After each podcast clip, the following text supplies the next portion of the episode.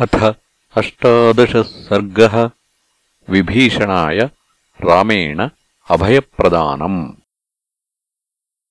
अथ रामः प्रसन्नात्मा श्रुत्वा वायुसुतस्य ह। प्रत्यभाषत दुर्धर्षः श्रुतवान् आत्मनि स्थितम्। ममापि तु विवक्षास्ति काचित् प्रतिविभीषणम्। श्रोतुमिच्छामि तत्सर्वम् भवद्भिः श्रेयसि स्थितैः। मित्रभावेन सम्प्राप्तम्, न त्यजेयम् कथञ्चन दोषो यद्यपि तस्य स्यात्, सताम् एतदगर्हितम्। सुग्रीवस्त्वथ तद्वाक्यम् आभाष्य च विमृश्य च ततः शुभतरम् वाक्यम् उवाच हरिपुङ्गवः। सुदुष्टो वाप्यदुष्टो वा किमेशरजनीचरः ईदृशम् व्यसनम् प्राप्तम् भ्रातरम् यः परित्यजेत् को नाम स भवेत्तस्य यमेष न परित्यजेत् वानराधिपतेर्वाक्यम् श्रुत्वा सर्वान् उदीक्ष्य च ईषदुत्स्मयमानस्तु लक्ष्मणम् पुण्यलक्षणम् इति होवाच काकुत्स्थो वाक्यम् सत्यपराक् क्रमः। अनधीत्य च शास्त्राणि वृद्धाननुपसेव्य च। न शक्यमीदृशम् वक्तुम् यदुवाच हरीश्वरः। अस्ति सूक्ष्मतरम् किञ्चित् यदत्र प्रतिभाति मे। प्रत्यक्षम् लौकिकम् वापि विद्यते सर्वराजसु। अमित्रास्तत्कुलीनाश्च प्रातिदेशाश्च कीर्तिताः। व्यसनेषु प्रहर्तारः तस्मादयमिहागतः। अपापास्तत्कुलीनाश्च मानयन्ति स्वकान् हितान् एष प्रायो नरेन्द्राणाम् शङ्कनीयस्तु शोभनः। यस्तु दोषस्त्वया प्रोक्तो ह्यादानेरिबलस्य च।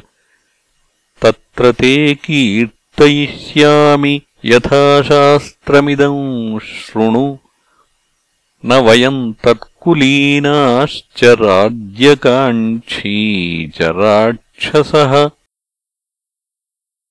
पण्डिता हि भविष्यन्ति तस्माद्ग्राह्यो विभीषणः। अव्यग्राश्च प्रहृष्टाश्च न भविष्यन्ति सङ्गताः। प्रवादश्च महानेश ततोऽस्य भयमागतम्। इति भेदम् गमिष्यन्ति तस्माद्ग्राह्यो विभीषणः न सर्वे भ्रातरस्तात भवन्ति भरतोपमाः। मद्विधा वा पितुः पुत्राः सुहृदो वा भवद्विधाः।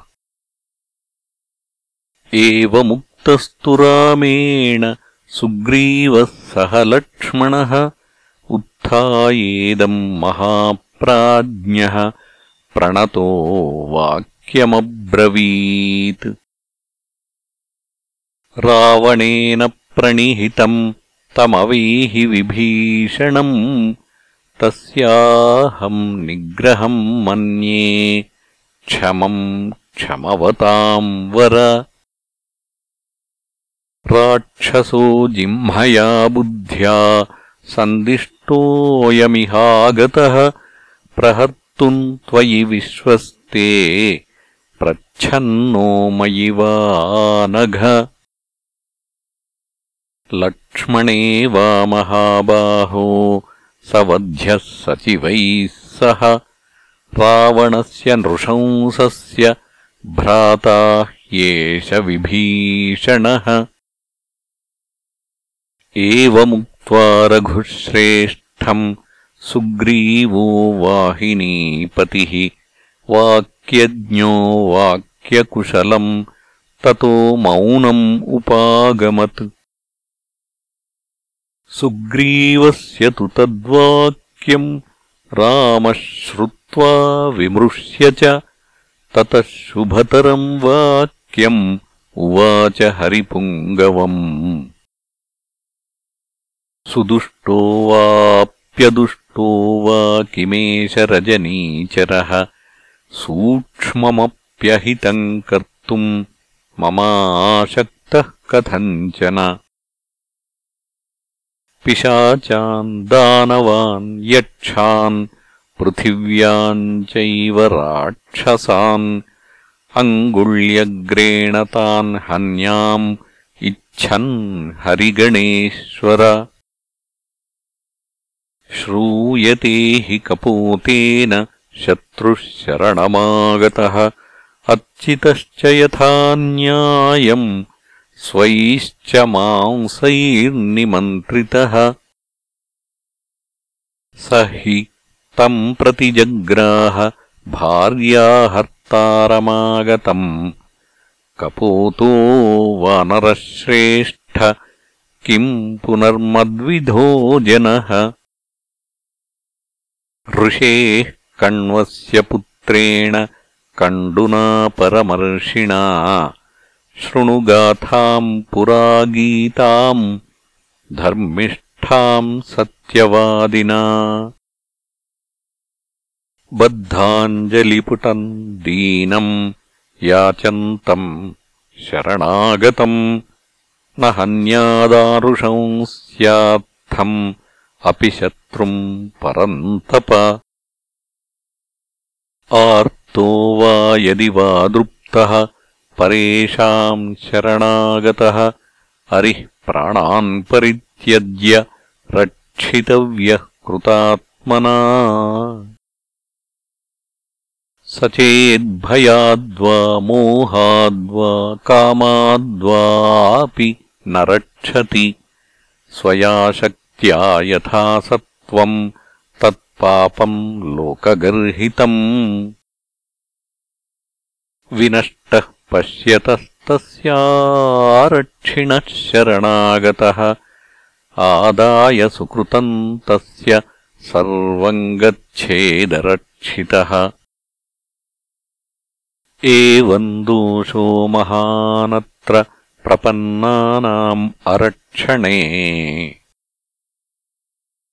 अस्वर्ग्यम् चायशस्यम् च बलवीर्यविनाशनम्।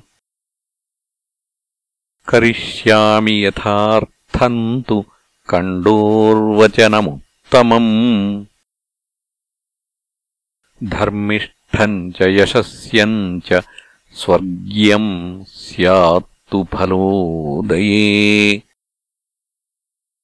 सकृदेव प्रपन्नाय तवास्मीति च याचते अभयम् सर्वभूतेभ्यो ददाम्येतद्व्रतम् मम